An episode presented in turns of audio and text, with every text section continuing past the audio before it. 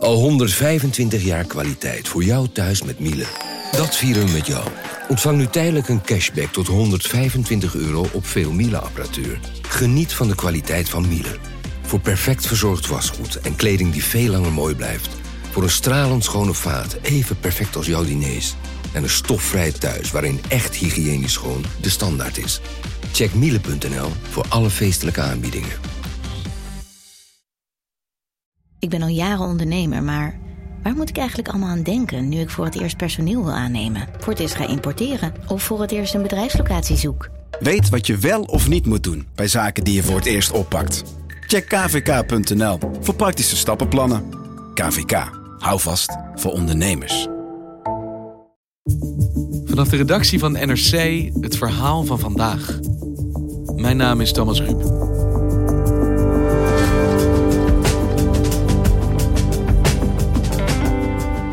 Vandaag komen in Brussel de leiders van de Europese Unie bijeen om te praten over Brexit. De vraag is of er nu dan eindelijk een deal komt, of dat de deadline van 31 oktober weer wordt uitgesteld. Wat gaat er eigenlijk om in het hoofd van Boris Johnson? Is er, als je goed kijkt, in de chaos een strategie te ontwaren?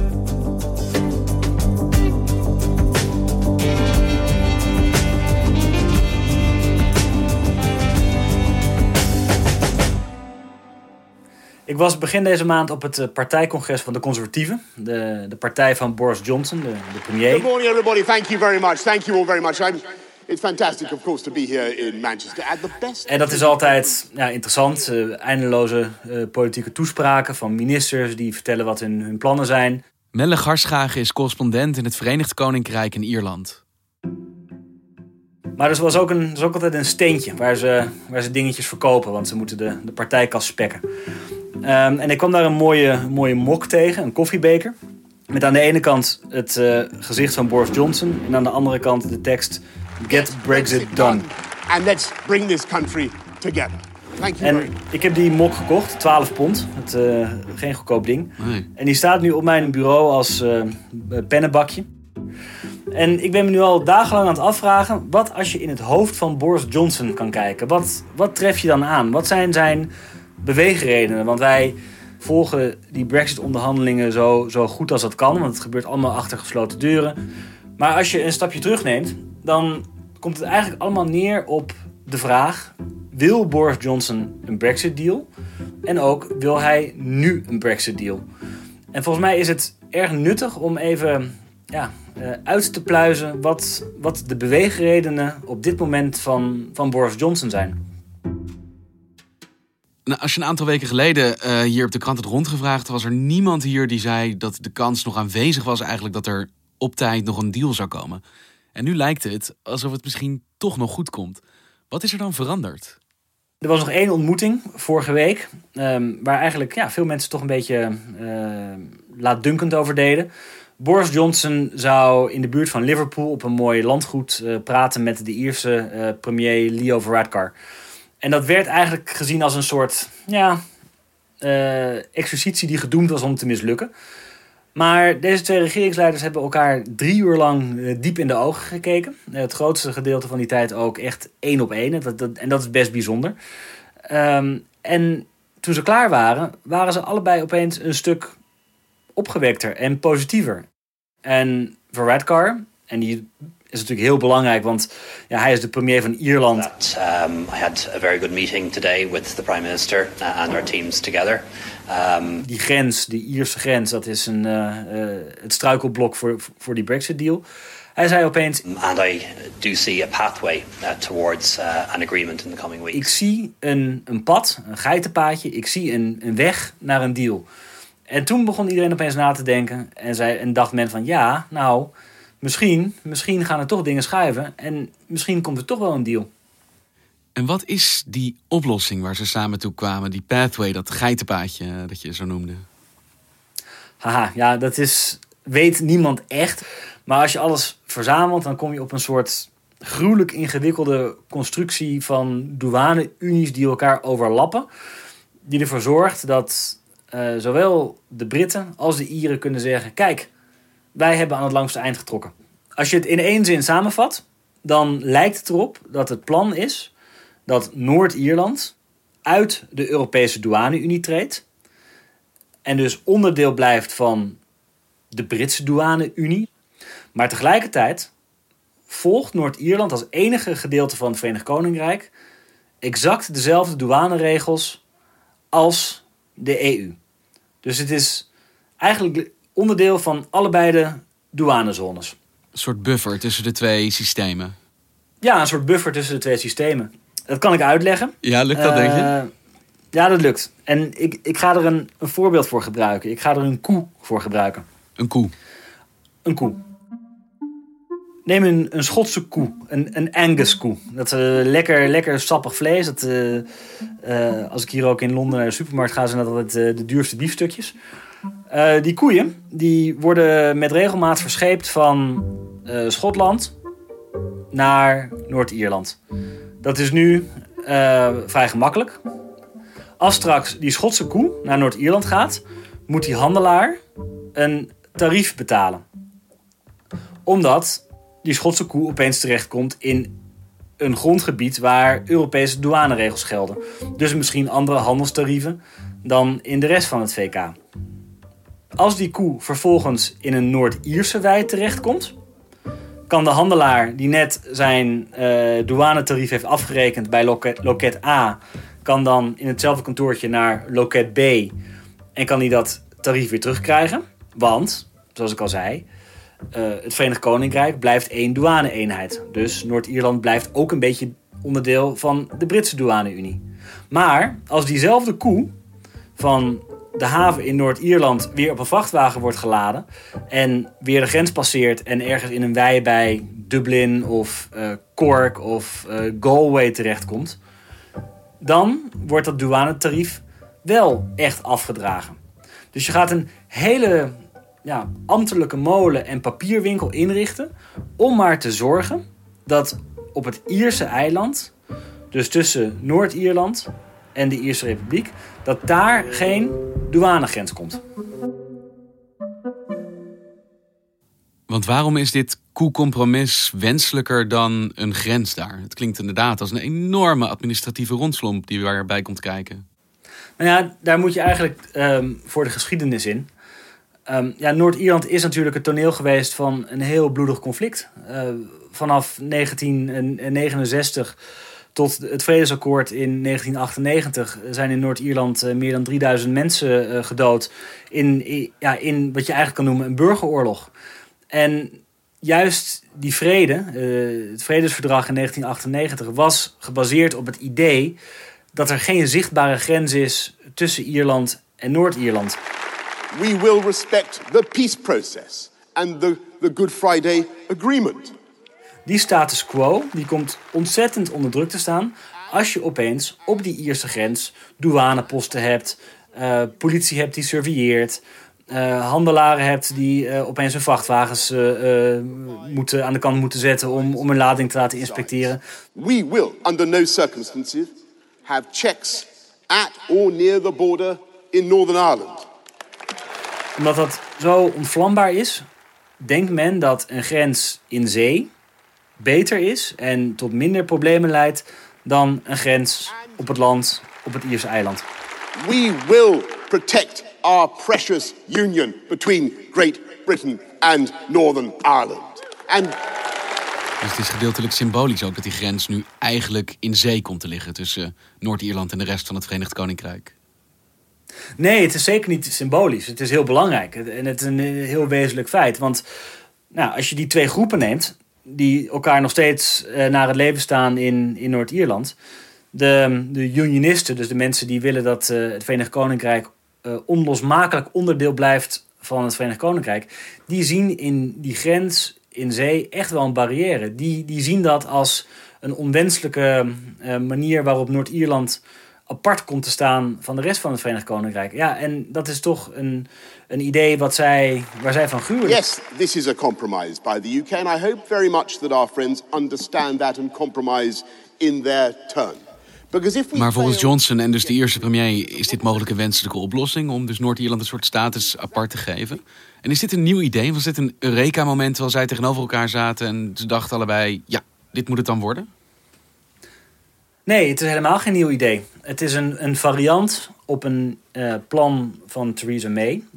Waar zij uh, ruim een jaar geleden, in de zomer van 2018, uh, ja, heel veel fiducie in had. En dat werd toen om allerlei Britse politieke redenen afgeschoten. En dat was een plan waar Boris Johnson toen ontzettend woest over werd. Hij, hij, hij was op dat moment minister van, uh, van Buitenlandse Zaken in uh, de regering van May. En toen zij het plan presenteerde, ja, is, is hij uit het kabinet gestapt, heeft hij ontslag genomen. En hij noemde dat plan op dat moment een polished But on turd. Friday, it's understood the Foreign Secretary accused Theresa May of asking them to polish a turd. Een, ja, een opgepoetste drol. En zonder al te diep op de inhoud en de verschillen in te gaan, kan je wel zeggen dat Boris Johnson nu een oud plan van Theresa May heeft afgestoft. Het licht heeft aangepast. En omdat Boris Johnson niet Theresa May is en een ander politiek profiel heeft en een andere achterban heeft, denkt dat hij er wel mee weg kan komen. En hoe wordt daar naar gekeken? Tast dat zijn geloofwaardigheid niet aan? Dat hij nu diezelfde drol eigenlijk opnieuw presenteert? Misschien nog een klein beetje extra opgepoetst? Nou, hij komt ermee weg. En als ik met politici praat die, waar, waarvan ik vind dat ze tot de, de hardliners uh, van de Brexiteers behoren, die zeggen: ja, het, maar weet je wat nou het echte verschil is? Theresa May was stiekem een Remainer. Zij heeft in het referendum tegen de Brexit gestemd. En van Boris Johnson weten we dat is een echte Brexiteer. Dus het, het vertrouwen is er, het gevoel is er. En dat is voor mij vrij essentieel, want nou, zoals we net al merkten, die Brexit kan je eindeloos, je kan de diepte in en het is technisch en het gaat om obscure handelsregeltjes. En nou ja, af en toe kookt mijn brein echt over als ik, uh, als ik het allemaal moet uitleggen. Maar uiteindelijk komt het aan op een gevoel en emotie. En ik merk dat bij, bij Brexiteers dat Boris Johnson dat vertrouwen wel heeft en, en Theresa May niet. Wat zijn de scenario's die nu mogelijk zijn de komende dagen op die EU-top? Nou, het is ontzettend fluïde en heel onzeker. Maar als je een stapje terugneemt en je gaat kijken naar uh, wat zijn nou de mogelijkheden, nou, dan kom je uit op één. Uh, Boris Johnson en de EU komen heel snel tot een akkoord.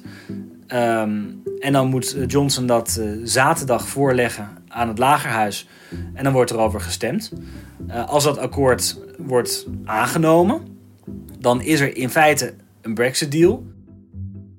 Je kan ook hebben dat het parlement toch de deal onvoldoende vindt, dat er toch te veel weerstand is. Uh, ja, dan wordt de Brexit-deal verworpen.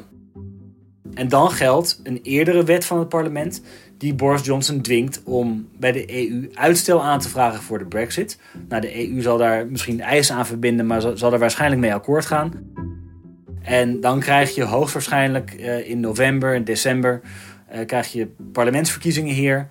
En dan hoopt uh, Johnson die te winnen. En dan ga je misschien met een nieuwe dynamiek volgend jaar opnieuw de onderhandelingen in. En als er nou geen deal komt, als ze er niet uitkomen, is er dan een kans dat de EU zegt: Nou, wij gaan gewoon geen uitstel meer verlenen. Het is klaar wat ons betreft?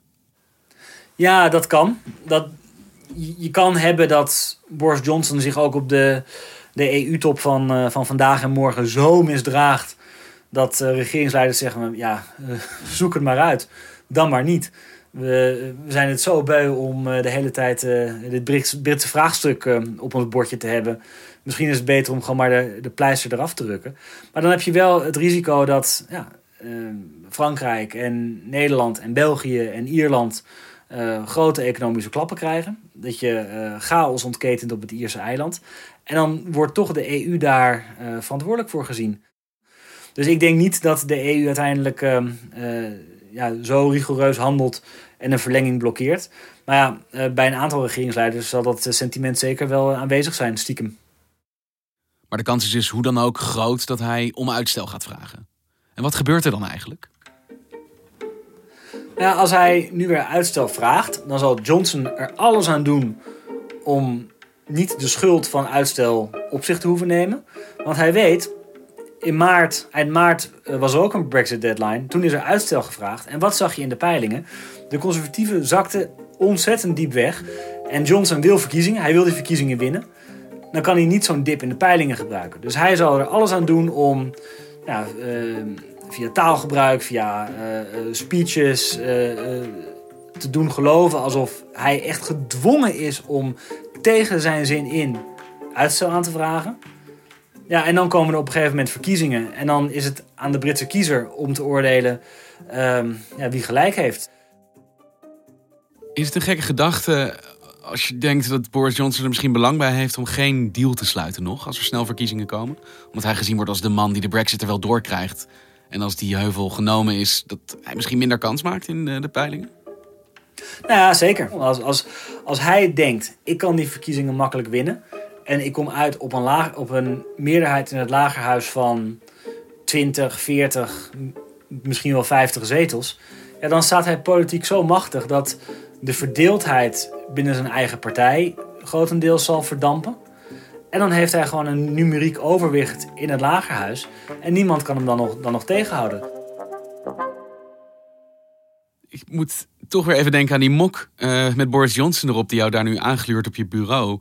Is er iets over te zeggen van wat hij nu echt wil? Wat er hier tactiek is? Wat hij hoopt dat er nu gaat gebeuren in de komende dagen? Of hebben we eigenlijk gewoon geen idee wat zijn echte strategie is? Ehm, kijk, ik denk dat zijn ultieme strategie is premier blijven. Aan de macht blijven. Johnson is niet premier geworden om een zomer en een herfst in 10 Downing Street te wonen. Hij wil jarenlang de macht hebben. En ik denk dat hij alles ondergeschikt maakt aan dat belang. Als hij denkt dat hij een deal kan sluiten nu, die goed genoeg is om verkiezingen mee te winnen, zal hij dat doen. Als hij denkt dat de deal die hem uiteindelijk eh, wordt aangeboden op deze E EU EU-top, dat die onvoldoende is, zal hij zijn poot stijf houden. En het gaat uiteindelijk alleen maar om ehm, hoe krijgt hij kiezers zover om hem te belonen met een volle regeerperiode als premier. Weet je, Melle, we zijn nu een kwartier met elkaar aan het praten. Bij mij duizelen alle opties en mogelijkheden en overwegingen, tactieken, eh, mogelijke scenario's me al enorm. Is er iets te zeggen over wanneer we dan zekerheid gaan hebben? Wanneer we wel gaan weten hoe dit afloopt? Nee, dat is er helemaal niet. Nee, dat, dat, Ja. dat, dat valt echt niet te zeggen. Want ook als je, als je even uitzoomt en je kijkt waar zijn we nou mee bezig? We zijn bezig met het eerste deel van de Brexit. We zijn bezig met het Verenigd Koninkrijk loskoppelen van de Europese Unie. Als dit is afgerond, of het nou morgen of volgende week of over twee maanden of over een half jaar is, dan begint het volgende eh, onderdeel. En dat is, hoe gaat het Verenigd Koninkrijk zich in de toekomst met de Europese Unie verhouden? Dus eigenlijk kan je zeggen dat we nog maar aan het begin van het hele geheel staan. Oké, dus zekerheid hoeven we op geen enkele manier te verwachten. Maar is er dan een moment dat je kunt aanwijzen waar wij, eh, ook als publiek die dit een beetje volgt, op kunnen letten? Nou ja, zaterdag. Zaterdag staat echt iets bijzonders te gebeuren. Het Lagerhuis komt in het weekend bijeen. En de vorige keer dat dat gebeurde was aan de vooravond van de Falklandoorlog. En dat is, nou ja, dat is eh 37 jaar geleden. Meer dan 37 jaar geleden. En op zaterdag zal het Lagerhuis een oordeel moeten vellen over een mogelijke deal. En over eh, mogelijk uitstel. Dus ja, als je een moment wil hebben om aan vast te houden, eh, volg zaterdag de Britse politiek. Hey, dankjewel, Melle. We gaan het in de gaten houden dan zaterdag. Alright. Je luisterde naar alweer de honderdste aflevering van vandaag. Eén verhaal, elke dag. Dit was vandaag. En ja, morgen weer.